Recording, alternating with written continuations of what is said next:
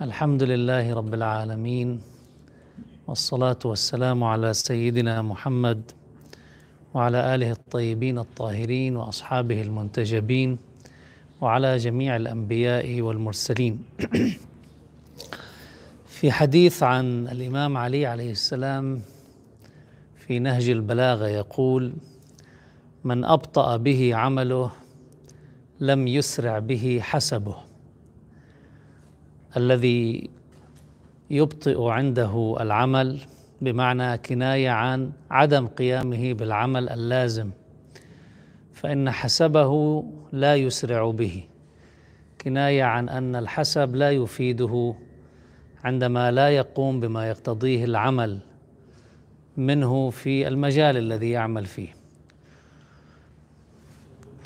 قبل أن ندخل في شرح الحديث وما يرتبط بزماننا هذا من إشكاليات ومن ظواهر. الحديث في حد ذاته يطرح معادلة بين العمل من جهة وبين الحسب من جهة. الحسب في اللغة عادة يراد به الانتماء الشريف. الإنسان يكون لديه آباء ينتمي لجماعة معينة من الأسلاف الذين يحوزون على قيمة.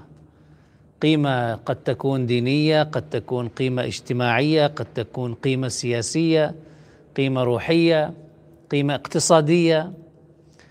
فالإنسان الذي ينتمي إلى هؤلاء يكتسب نوع من القيمة لأجل انتمائه فقط. نفس الانتماء يعطيه هذا المستوى من القيمة بنسبة ما.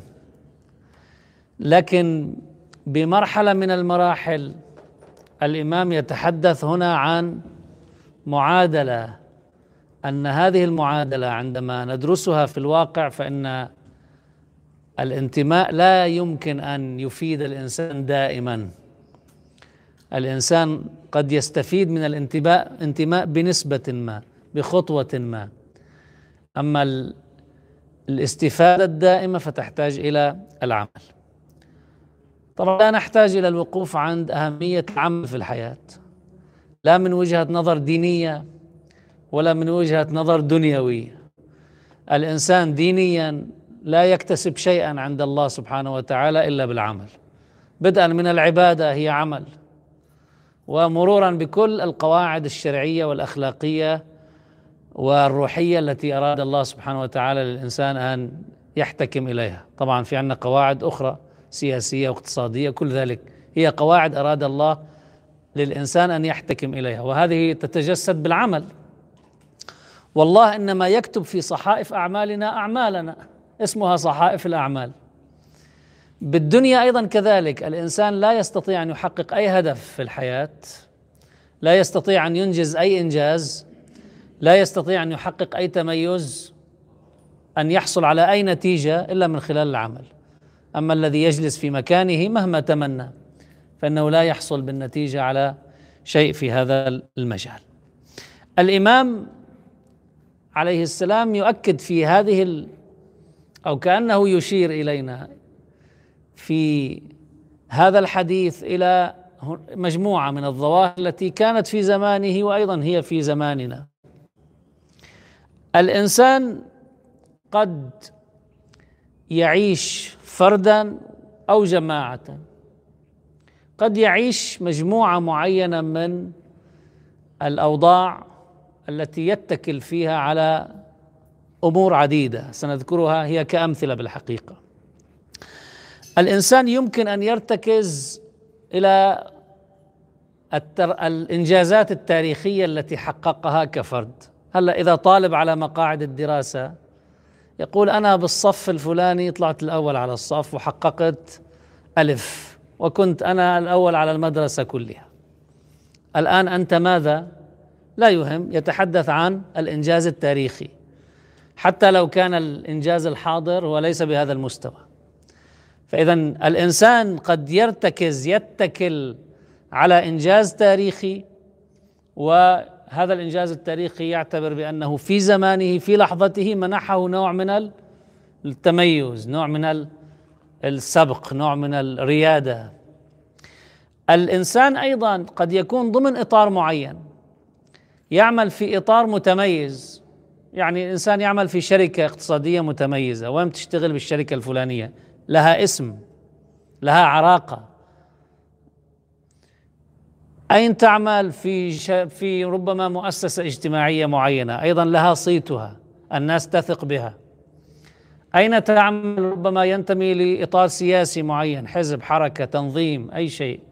لكن هذا قد حقق ربما بعض أفراده أو في مرحلة تاريخية حقق إنجازات كبيرة انتصارات باهرة ريادة متميزة.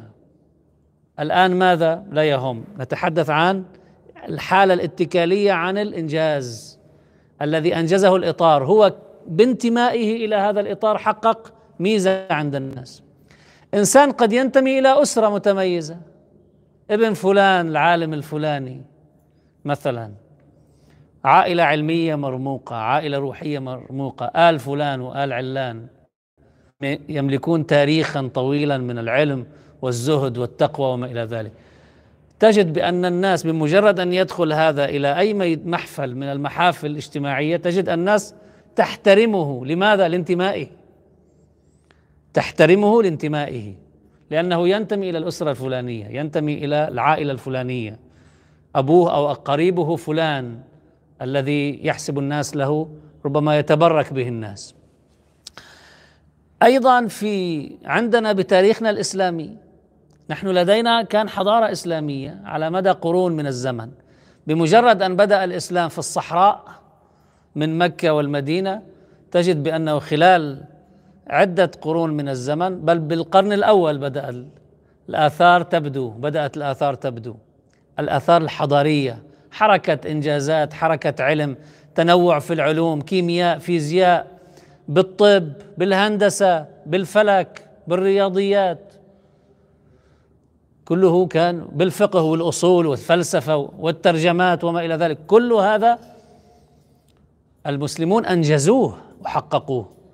ولذلك أتي آتي أنا وأقول وأتكل على هذا الإنجاز التاريخي لأعتز أنا كإنسان أنتمي إلى هذه المنظومة الحضارية. ما هو حالنا اليوم؟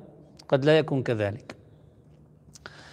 الحسب بمفهومه الذي يذكره الإمام يمكن لنا أن نعممه إلى كل هذه الحالات لأن الحسب هو أن يعتز الإنسان أو ما يملكه الإنسان من انتماء إلى شخصيات لها شرف لها مكانة عند الناس لها احترام وتقدير. وبالتالي وهذا الاحترام والتقدير نشأ من خلال ما أنجزته هذه الشخصيات. يمكن أن نعمم ذلك. الإنسان يكتسب احترام من أين؟ من إنجاز تاريخي. يعني نأخذ هذه الصفة التاريخية ونقول أنا أنجزت في يوم من الأيام إنجاز تاريخي. أطروحتي حازت على مثلا العلامة الفلانية امتياز جيد جدا أو ممتاز. تحدث عنها الناس كتب عنها الإعلام. اليوم ماذا تكتب؟ ربما لا يلتفت أحد أو فرد أو اثنان ربما لما يكتب هذا الإنسان لكن يتغنى بهذا التاريخ. الإنجاز التاريخي للفرد الإنجاز التاريخي للجماعة للمجموعة. قد أكون أنا كفرد لا أنجز لكن الجماعة التي أنتمي إليها أنجزت. فأنا أكتسب احتراما وتقديرا وأيضا توقعا من خلال انتمائي إلى الجماعة نفسها. وبالتالي يمكن لنا أن ندرج كل هذه الظواهر ضمن ما يسمى الحسب الحسب في اللغة العربية الشرف الثابت في الآباء. نحن بنقول بنعمم شوي بنقول إذا بدنا نستوحي الشرف الثابت في التاريخ الذي ينتمي إليه الإنسان أو ينتمي هو إلى الإنسان. بما يشمل إنجازات الإنسان نفسه. الحديث الذي نحن بصدده أن الإنسان من أبطأ به عمله لم يسرع به حسبه هو معادلة. وهذه المعادلة ذات شقين. الإمام يريد أن يؤكد على أمرين أساسيين أو على شقين تنطبق عليهما المعادلة. الشق الأول أن أي تقدم وأن أي تطور وأن أي إنجاز يريد الإنسان أن يحققه في الحياة لا يمكن أن يكون إلا بالعمل. ليس بمجرد الانتماء ولا بالتغني ولا باستعادة الأمجاد التاريخية. نحن الآن أمة إسلامية عشنا حضارة قبل قرون طويلة من الزمن خلال فترة معينة من التاريخ لكن اليوم نحن لسنا حضارة لسنا في العالم الأول. نحن في متخلفون عن ركب الحضارة. ألا بمعزل عن نقاش شو مفهومنا للحضارة ونسبية المسألة؟ بمعزل عن هذا النقاش. تقنيا اليوم نحن متأخرون علميا في مجالات العلوم. المتنوعة نحن أيضا متأخرون لأننا نستورد دائما من الآخرين. بينما كان المسلمون في ذلك الوقت هم يصدرون. يقال إن شوارع الأندلس كانت مضاءة في الوقت في الوقت الذي كانت غارقة أوروبا في الظلمات مثلا. المسلمون كانوا يضيئون شوارعهم في ذلك الوقت. اليوم بالعكس الكهرباء عندنا مقطوعة عند الآخرين شيء. طيب. الأمر الثاني أو الشق الثاني أن اي نجاح يحصل عليه الإنسان. أي إنجاز ينجزه أي انتصار يحققه أي هدف يتميز به الإنسان في يتميز في تحقيقه هذا الأمر. المحافظة عليه تتطلب العمل. يعني في عنا أصل الإنجاز لا يتم إلا بالعمل. وفي عنا المحافظة على الإنجاز أيضا يحتاج إلى عمل. ولذلك واحدة من أهم المشكلات في سبب التراجع الذي يمنى به الفرد أو تمنى به الجماعة أو أي إطار من الأطر بعد تحقيق إنجازات باهرة تاريخية هو ماذا؟ هو أنه كفوا عن العمل وبدأوا فقط يستعيدون الأمجاد التاريخية. نحن انتصرنا في المكان الفلاني وفي أنجزنا في الموقف الموقع الفلاني.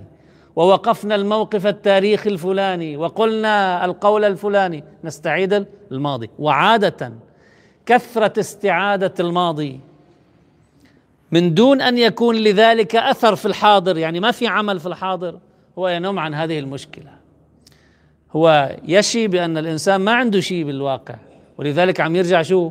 يأكل من الكيس الذي ملأه سابقا.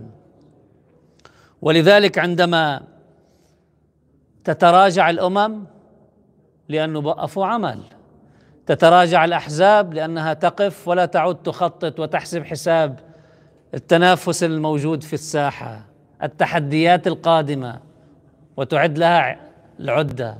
يخلد الإنسان للانتصار يصاب بالزهو يخلد الإنسان للإنجاز. ما بيعود يدرس الطالب لا يعود يدرس. أنا حققت العلامة الفلانية أو التميز الفلاني وكل المدرسة والجامعة تحدثت عني. بعد ذلك يبقى يعيش هذا الزهو واتكاليه أن ما حققه كأنه سيمتد به وسيكون عنوانا لكل تاريخه القادم. وهذا الأمر لا يحصل لأنه يحتاج دائما إلى دراسة. كل ما تطورت الحياة تحتاج إلى دراسة أكثر. كل ما تطور الإنسان في موقع معين التحديات تزداد. التعقيدات تزداد المشاكل التي تواجهه تزداد. أحيانا المتربصون بالإنسان يصبحون أكثر من السابق لأنه إذا حقق نصر معين وهذا النصر ربما يحرج كثيرين. نحن عندنا في لبنان أنجز انتصار تاريخي في عام 2000 أول حركة مقاومة تهزم القوة التي لا تقهر في المنطقة. بعض السياسيين قالوا من سيتحمل هذا الانتصار؟ ولذلك سيخلق هذا اللون من الإنجازات أعداء حاسدو سيخلق حاسدين سيخلق أناس يشعرون بالإحراج أنهم يريدون الهزيمة لأنفسهم ولشعوبهم في الوقت الذي تفرض عليهم بالوقائع انجازا بالملموس تقول هذا إنجاز يتحقق. ولذلك أعداء الإنسان قد يكثرون في هذا المقام. لو أخذنا مثال بسيط شركة.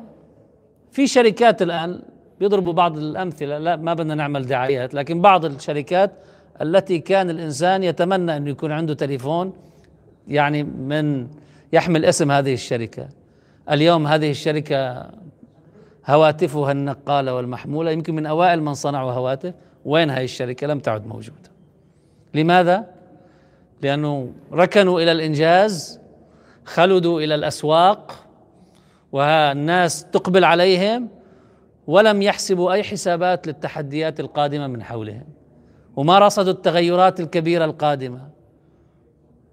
وبالتالي شو؟ لما إجت هذه التغيرات لم يعودوا يمثلون حاجة للناس. وهي النقطة المركزية.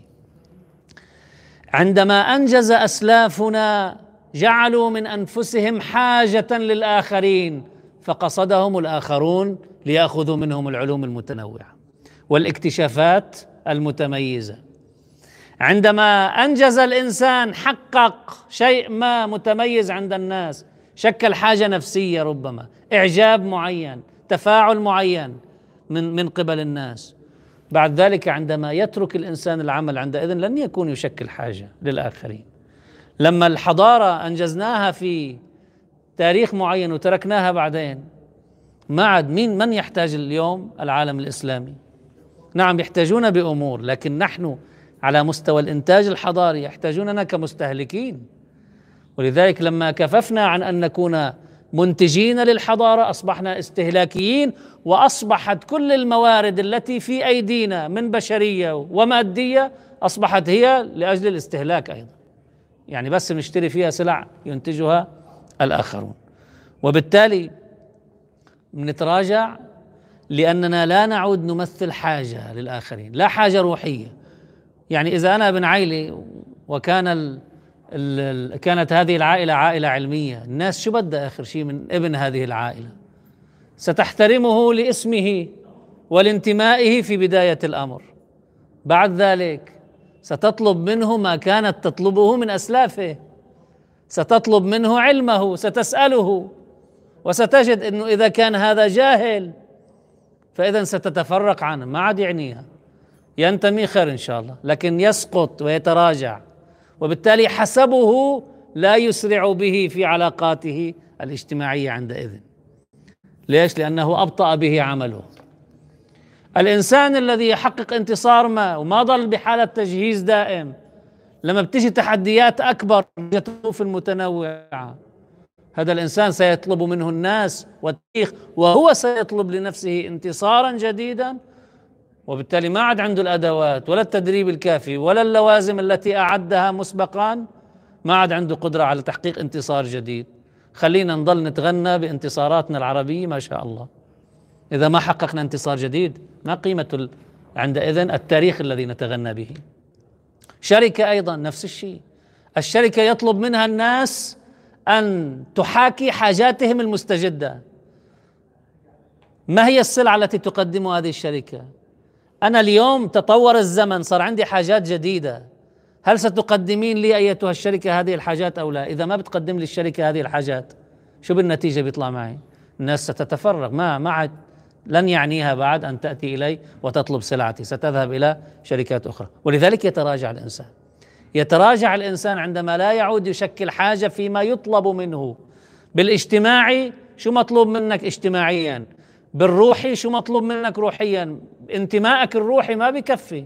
إنك أنجزت في يوم من الأيام تاريخ والله أنا بزماني كنت أصلي وهلأ ما بصلي. طيب أنا شو عم أقول يعني؟ إنه أنا بالزمانات كنت صليت أما الآن الصلاة الآن لها وظيفة ولها دور.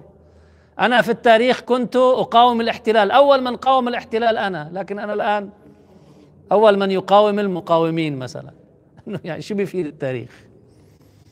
نحن حظ نحن أنجزنا حضارة إسلامية قوام وكان الغرب في عصر الظلمات وكان الإسلام يعيش أرقى أنواع الحضارة التي يمتزج فيها العلم بالأدب بالفلسفة بالاكتشافات العلمية. طيب واليوم ماذا يفيدني التاريخ؟ ليس موجودا الآن.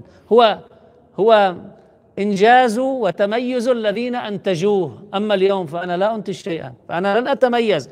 وما يطلبه مني العالم اليوم على المستوى الحضاري لن يجدوه عندي إذا لم أعمل. إذا لم أعمل. انطلاقا من ذلك عندما لا يعود الإنسان عندما ينجز الإنسان إنما ينجز بالعمل. وإنما يحافظ الإنسان على استمرارية إنجازه بالعمل مجددا. والعمل الثاني بده يلحظ كل المتغيرات والتحديات والفرص المتاحة والتخطيط اللازم لأجل أن يبقى الإنسان حاجة لما يراد منه اجتماعي سياسي اقتصادي أمني روحي وإلا ما فائدة الإنسان الآن الذي عائلته والله عائلة علمية مرموقة؟ أو هو لا يفقه شيئا من العلم. أبوه المتصوف الفلاني والعالم العرفاني الفلاني وهو متهتك في لا يترك رذيلة إلا ويأتيها. ما يفيده ذلك. وبالتالي لا يسرع بالإنسان حسبه إلا كبطاقة عبور. الناس ممكن تجي تحترمك لأنك تنتمي إلى إطار معين اجتماعي أو سياسي أو أي شيء. هذه البطاقة للعبور هي أول خطوة. بعد ذلك عندما تجد الناس أنك لا تمثل لها حاجة وأنك لست امتدادا لمن تنتمي إليه ولما تنتمي إليه ستتركك. وبالتالي من يبطئ به عمله لن يسرع به حسبه. معادلة. معادلة بكل بساطة يطرحها الإمام. هلأ نحن ببلادنا عم نعاني أزمات اليوم. هذا البلد الذي ربما لم ينعم الله على بلد كما أنعم على هذا البلد في المنطقة على الأقل المجاوره من ضل شو بنقول هلا؟ بدرسونا إياها بالجغرافيا وبالتاريخ. في لبنان كان لبنان يصدر كذا وكان صلة صلة الوصل وبين الشرق والغرب وكان مصرف المنطقة العربية وكان وكان وكان وكان. وتركنا كل ذلك. وتركنا كل ذلك. وما عملنا. إذا هلأ بنتغنى نحن شو بناكل وبنشرب؟ ما بناكل وبنشرب. لأننا كففنا عن العمل وصيانة الوطن انطلاقا من توقع التحديات والمشكلات والتعقيدات والمؤامرات والفتن القادمة واللي ما بيعرف إنه في شيء من هالنوع بيكون ما لا يفقه ماذا يعني أن يكون للإنسان نعم معينة. ما هي بس يكون عندك نعمة اذا أصبح الحاسدون كثرا. أو المتآمرون كثرا أو اللصوص أصبحوا أيضا كثرا سيتكالبون عليك. وبالتالي كان عندنا بلادنا من أجمل ما يكون ضل الآن إلى الآن متغنى فيها. راح التاريخ التاريخ يذهب. ولذلك اليوم لما بنيجي بنقول إنه نحن نحتفل بالتاريخ بدنا نحتفل بالتاريخ مش على أساس تمجيد التاريخ ونسيان مسؤولياتنا الحاضر. احتفالنا بالتاريخ وبالأمجاد مطلوب لكن هو يعطينا الدفع التحفيز للعمل. هي وظيفته. وأي احتفال لا يعطي الإنسان تحفيزا للعمل. روح جديدة تدفع الإنسان ليفكر من جديد ليبني هو التاريخ من جديد لا قيمة له لا قيمة له مجرد طقس مجرد وقت نقضيه الله بيقول بالقرآن بيحكي عن بعض الطقوس لن ينال الله لحومها ولا دماؤها ولكن يناله التقوى منكم. آخر شيء بدك تحقق شيء. ما. التاريخ للعبرة وإلا بالنهاية أنتم ما لكم علاقة لستم أنتم الذين صنعتم هذا التاريخ. أجدادكم خير إن شاء الله. أنتم ماذا؟ الحسب لن يسرع بالإنسان. أصل الإنسان لن يقدم له شيئا في نهاية المطاف. خير إن شاء الله. ابن فلان وخير. ولذلك التاريخ هو لأجل العبرة والعبرة لأجل الدرس والدرس لأجل العمل. ولذلك في بعض الأبيات الشعرية رحم الله سماحة السيد رضوان الله عليه كان دائما يردد هذا البيت. يقول ألهى بني تغلب عن كل مكرمة قصيدة قالها عمرو بن كلثوم. يعني هذا ما عاد في شعراء عندهم في القبيلة ضلوا يتغنوا والله نحن فلان فلاني هو الذي يعني نظم قصيدة لم يقوى على مجاراتها الشعراء والأدباء وخير إن شاء الله. اليوم أنتم ماذا؟ ماذا تقدمون؟ هل تشكلون حاجة ليستمع إليكم الناس؟ ما آخر شيء الناس حتزهق من عمرو بن كلثوم وكل قصائده.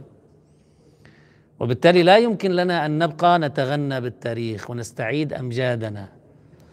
وهذا الأمر أساسي. المعادلة هي أن العمل هو الذي يحقق لنا موقعنا الحضاري موقعنا المتميز موقعنا الريادي. والمحافظة على هذا الموقع إنما تكون بالعمل. والعمل لا يكون كذلك إلا بملاحظة كل المستجدات التي يمكن أن تطرأ على الإنسان أو على الحركة أو على الإنجاز. فتحول أحيانا الإنجاز إلى فشل أو الانتصار إلى هزيمة أو التميز إلى تراجع وتقهقر. في تحديات وفي مصاعب وفي مشاكل وتعقيدات بده الإنسان يحسب الحساب. يخطط ليعمل. عندما يعمل يحافظ عندئذ على ذلك. وإلا انتمائنا إلى الجماعة ما بيكفي.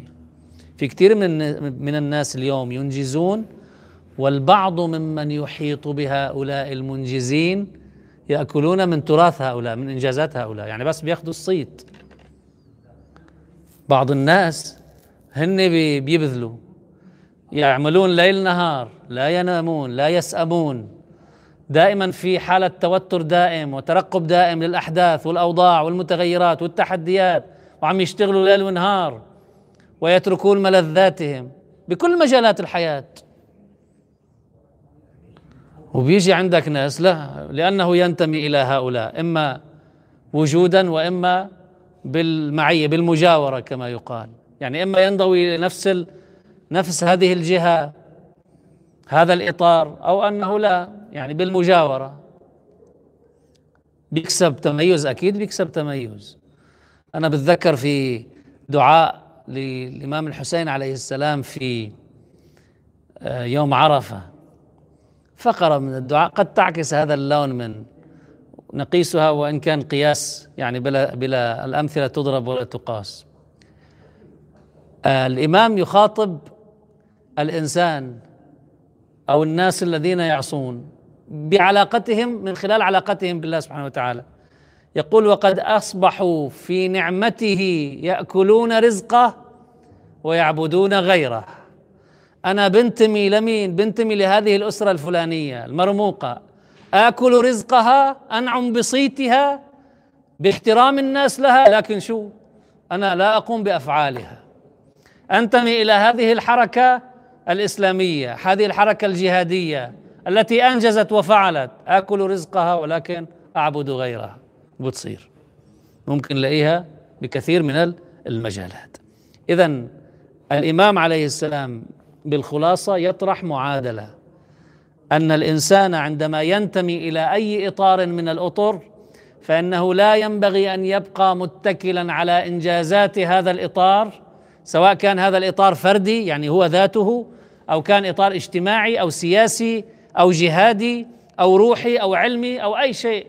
أي إطار من الأطر لا ينبغي أن يتكل على إنجازاته بل لا بد له من العمل وإلا فإنه لن يسرع به هذا الانتماء ولن يحقق له هذا الانتماء شيئا سوى بطاقة عبور أولى ما يلبث الناس أن يكتشفوا بأنه لا يحوز على شروط الاحترام والتقدير والريادة التي كان يحوزها آباؤه وأسلافه أو أقرانه الذين ينتمي إلى الإطار معهم. ولذلك من أبطأ به عمله لم يسرع به حسبه والحمد لله رب العالمين. صل على محمد